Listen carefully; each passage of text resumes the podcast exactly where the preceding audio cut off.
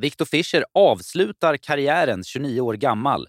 Vad ska Manchester United göra med Mason Greenwood och nya fuskavslöjanden som skakar om Manchester City?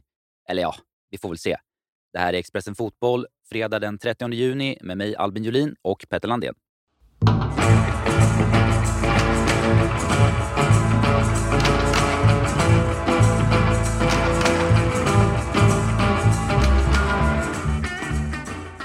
Ja, Petter, vi får väl börja där eh, våra kollegor eh, avslutade i går. Victor Fischer, lite oklart vad som skulle hända. Ja, verkligen. Sen så eh, hände det ganska mycket där i går kväll. Ja, på ungefär 0,2 sekunder så både bröt AIK med honom och han avslutade karriären i ett. Eh, känslan var att det här har liksom varit klart ett tag. De har bara väntat på en, en tidpunkt att kunna kommunicera det.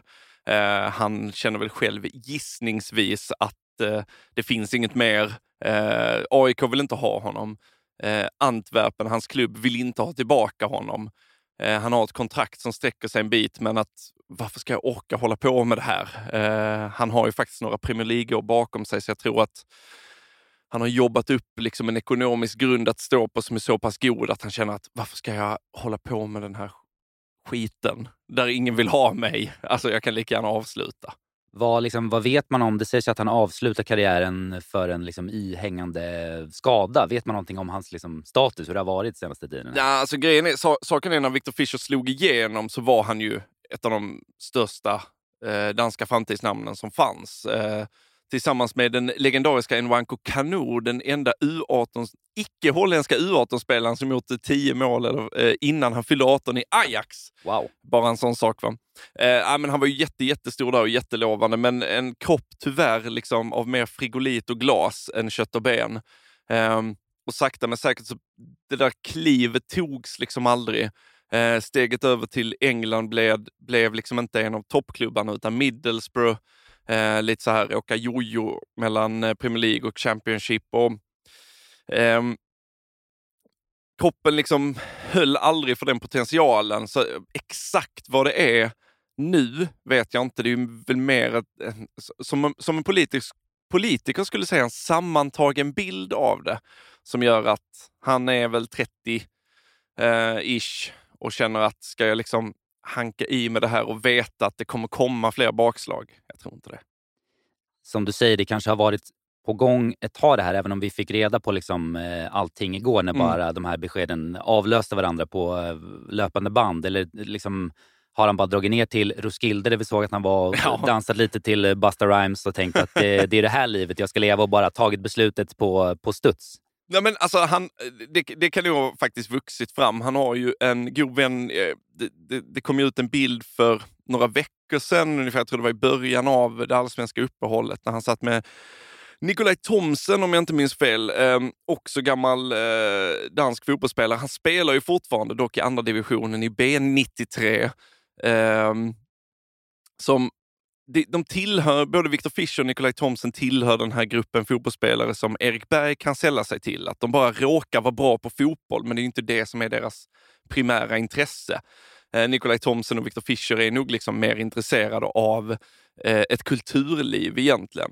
Och då, därför tror jag att liksom, han har vetat ganska länge att han vill stå på Roskilde och lyssna på Buster Rhymes. Det är bara att han måste liksom jobba ihop pengar nog att kunna göra det sen. Han är lite Danmarks Erik Berg på det sättet. 100 eh, procent så ja. Eh, och därför tror jag att eh, det här är liksom det är nästan så att han har väntat på, rena spekulationer från min sida givetvis, men lite känslan att kanske har väntat in ett tillfälle där han känner att han är på en plats i karriären där det inte går att tjäna mer pengar eller äska ut mer inkomst av det. Eh, och därför vill han bryta. Sen, det kan ju också sägas att det här, genom att bryta med Antwerpen och då på så sätt tacka nej till gissningsvis en ganska hygglig summa pengar från den belgiska klubben, så öppnar han ju för att kunna eh, skriva på gratis för en annan klubb sen om han vill göra comeback, om han känner att kroppen håller för det. Men jag tror att just nu vill han faktiskt bara dansa till basta. Den stora internationella snackisen i fotbollsvärlden är avslöjandet som kommer från The Times här på morgonen om eh, Manchester City. Det nya fuskmisstankar, eh, miljonbelopp som ska ha tagits emot på otillåten väg, en mystisk figur i eh, Förenade Arabemiraten. Och, alltså man känner nästan att man eh, tröttnar halvvägs in i den här eh, påan. Vi har hört det här förut. Och det är väl liksom, det är lite det Manchester City vill att vi ska, eh, så, så vi ska reagera också. Men vad, vad, är det liksom som är det senaste i hela den här härvan? Ja, men det senaste är, sen gammalt så finns det ju en eh, vad ska man säga, misstankar mot dem om 115 brott mot de ekonomiska reglerna. Att det är Premier League som har eh, utrett dem och någon typ av dom väntar. Vi vet bara inte när. Eh, utöver detta så har då The Times tagit del av ytterligare två stycken separata 15 miljoner punds, alltså 200 svenska miljoner plus ish eh, kronor från en mystisk figur i Förenade Arabemiraten med starka kopplingar till eh, ägarfamiljen av Manchester City. Och precis som du säger, alltså det är ju ett, det är ett Family Guy-skämt som har gått så långt att det blir tråkigt, men vi har inte hunnit till biten där det blir roligt igen. Eh, jag vet inte, det, det, är ju, det är ju konstigt att man har blivit så blasé att man känner att, jaha, en mystisk figur i Förenade Arabemiraten, bara 400 millar. Ja, strunt samma. Liksom, sätt på en sexa istället för en femma där på 115 eh, ekonomiska brott. Så, ja, så kan vi bara sälja det till skaran på något sätt. Ja, man känner inte direkt att eh, City är liksom skakat i grundvalarna på något sätt av det här.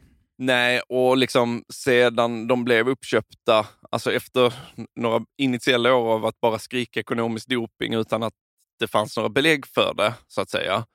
Eller ja, det gjorde det i någon mån, men eh, så kan man nu, har man ju sett i jättemånga år, ett decennium, att det har pågått fuskande. Eh, det är inte första konstiga sponsorn eller eh, luftfakturan som skickas in. Eh, problemet är att de har tillräckligt med pengar för att anlita advokater nog att hitta kryphål i det här. Um, I en ganska genomkorrupt internationell toppfotboll så kanske City är de värsta förbrytarna. Uh, och det gör ju att man, precis som du säger, känner en typ av mättnad. Att det är så här, vi vet ju det här. Gör något åt det nu istället. Um, och det är där vi befinner oss i en rävsax för att de här anmälningarna som Premier League har, eller de misstankarna som Premier League har mot klubben som kan leda till ett straff. Bara där, det ordet kan är ju liksom bedrövligt egentligen. Um, det, det, vet vi inte när det tänkbart ska komma. Det kan komma om en vecka, men det kan också dröja tre, fyra, fem år innan de kommer fram till någonting. Uh, och den, att den processen är så utdragen gör också att du tappar liksom momentum i det. När de först presenterar de här 115 anklagelserna, då blev det ju ett typ av ramaskri och det är så här, vi vill se eh, Eh, ett slut på det här. Nu, nu får ni bestraffa dem. Antingen så, så, så frias de eller så får bötesstraff. Eh, och så får vi ett slut på det. Eller så får ni tvångsdegradera dem. För det är ju det som är slutgiltigt det stora eh, straffet som kan utdelas. Men det här limbot som allting befinner sig i gör att okej, okay, ytterligare en anklagelse, det, det biter ju inte. Vi vet ju det här, men gör något åt det. Vet man någonting om vad som skulle kunna hända om de kommer till en slutsats eh, här i utredningen? Alltså, det är ju så himla brett. Ehm, allt från en liksom, smäll på fingrarna i form av mångmiljonböter, men för Manchester City är det ju kaffepengar.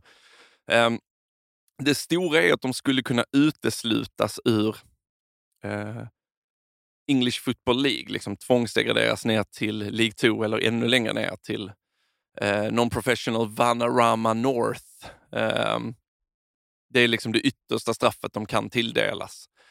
Jag vet inte hur troligt det är, just med tanke på att det är inte första gången City ens har faktiskt fällts för ekonomisk brottslighet. Uefa fällde ju dem för ett antal år sedan, men City överklagade till idrottens skiljenämnd CAS och ja, men kom undan på en teknikalitet egentligen. Eh, brotten ansågs preskriberade.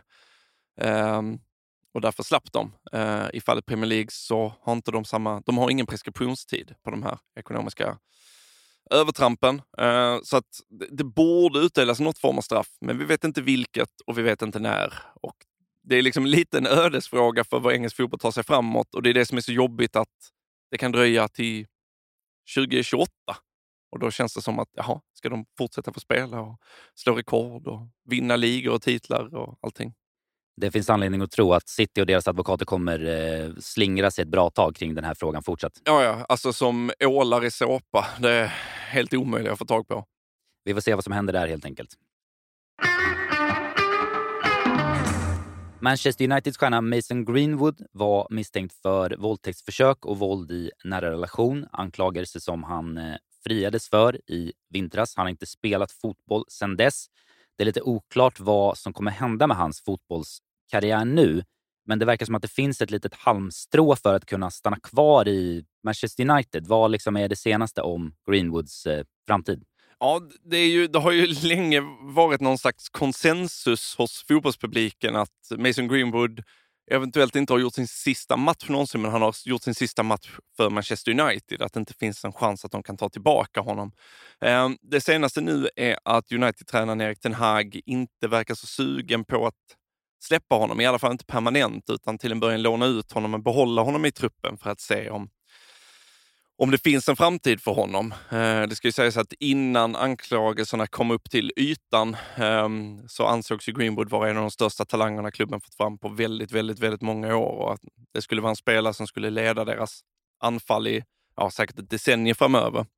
Ehm, hela historien kring det här med Mason Greenwood är speciell för att han är verkligen inte den första Premier League-spelaren som misstänks för de här sakerna. Han var ju liksom långt från ensam förra säsongen ens. Um, det som gör det väldigt speciellt är att vi som allmänhet fick ta del av offrets berättelse på ett sätt vi ofta inte får. Um, hon som uh, misstänktes ha utsatts för de här brotten då delade ju med sig av bilder och ljudinspelningar på sociala medier där man kunde se henne blåslagen, blodig och höra Mason Greenwood vara väldigt hotfull. Um, och den, att vi fick ta del av det så eh, tydligt gjorde ju också att det fanns en slags opinion mot honom som gjorde att det kändes omöjligt att han skulle ha någon typ av framtid. Inte bara United utan England överhuvudtaget. Vem vill... Eh, och nu ska jag säga det här liksom strikt ur ett perspektiv. Jag är eh, ägare av en fotbollsklubb. Eh, att vem vill ta på sig den liksom, PRen som skulle komma med att ge en sån spelare en chans att representera sitt lag. Um, ja, för det verkar inte som att fansen har riktigt glömt de här bilderna och ljudinspelningarna som, som du pratar om. Nej, Även nej, om man är friad juridiskt. Liksom. Exakt, nej, nej, nej. nej. Uh, och det är det som gör det så speciellt. Liksom, för att de, i de andra så... Man, det är som Grotesco sjöng, eh, jag vill ha mitt lidande på bild. Det, där var de ju skämtsamma, men det gör ju väldigt stor skillnad för, den, för opinionen. Ehm, att den inte bara är juridiska dokument, utan här, vi fick ju se henne. Liksom. Och vi fick eh, liksom sekundärt att uppleva det hon hade fått utstå. Och det, det där sätter liksom spår hos en och det gör ju... Jag personligen skulle liksom aldrig vilja ha Mason Greenwood spelandes för min förening eller min klubb. Eh, och jag tror att det är väldigt många i fotbollsvärlden som känner så.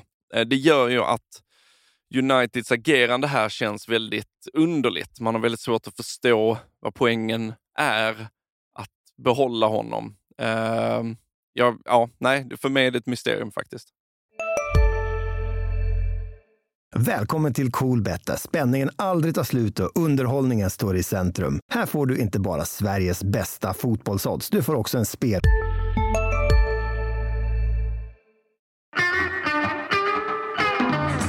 Petter, vad skulle du göra om du fick ett år extra adderat till ditt liv?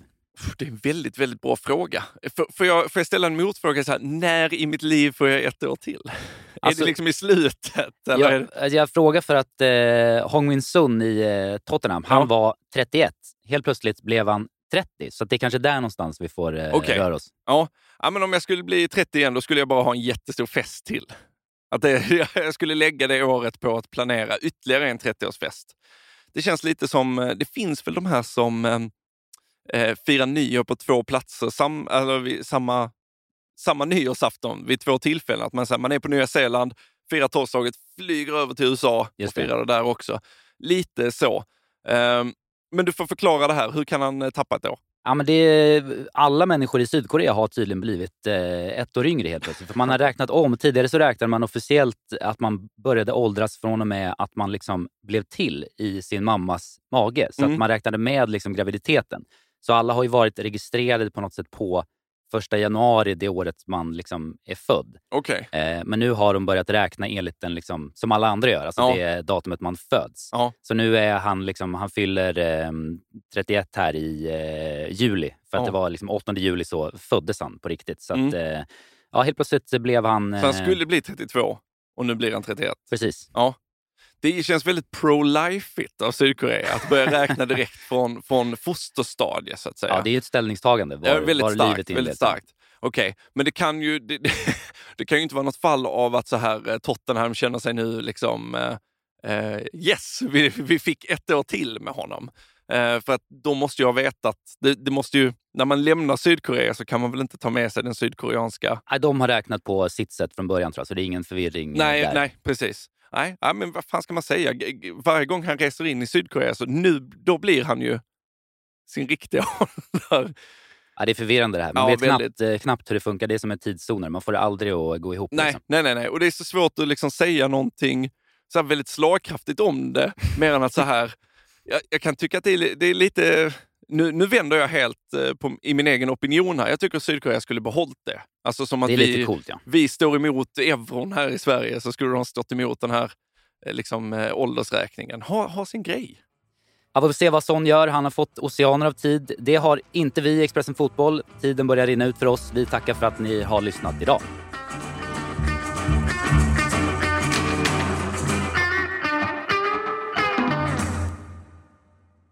Du har lyssnat på en podcast från Expressen. Ansvarig utgivare Klas Granström